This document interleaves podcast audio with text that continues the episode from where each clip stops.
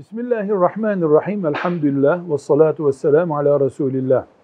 Müslümanlık camide namaz kılmak dini olduğu gibi hac etmek, haçta, arafatta vakfe yapmak dini olduğu gibi cünüp olunca gusletmeyi emreden bir din olduğu gibi La ilahe illallah Muhammedur Resulullah diyen bütün müminlerle kardeş olma dinidir.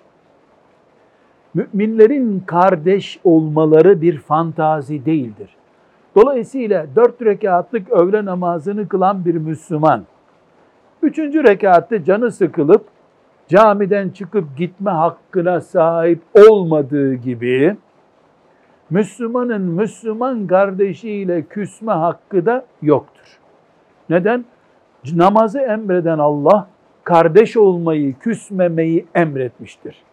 Peki insanoğlu değil mi? Öğle namazının üçüncü rekatında abdesti bozulup camiden çıktığı gibi filan Müslüman öbür Müslümana küstü olamaz mı? İki sebeple olur. Biri o Müslüman bir günah işliyordur. O günahı protesto etmek için. O Müslüman kafirlerle belli tehlikeli ilişkilere girmiştir. Onu protesto etmek için ona küsülür. Çok fazla beni ezdi, büzdü, üzdü. Onun için küstüm. Bu da olur 72 saati aşmamak şartıyla.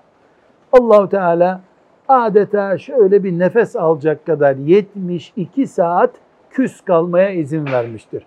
Ondan sonra selam verip bu küsmeyi bitirmek gerekiyor. 72 saatten fazla dini bir gerekçeye dayanmayan küsmeler namaz bozmak gibi, oruç yemek gibi Allah'ın kabahat kabul ettiği işlerdendir. Velhamdülillahi Rabbil Alemin.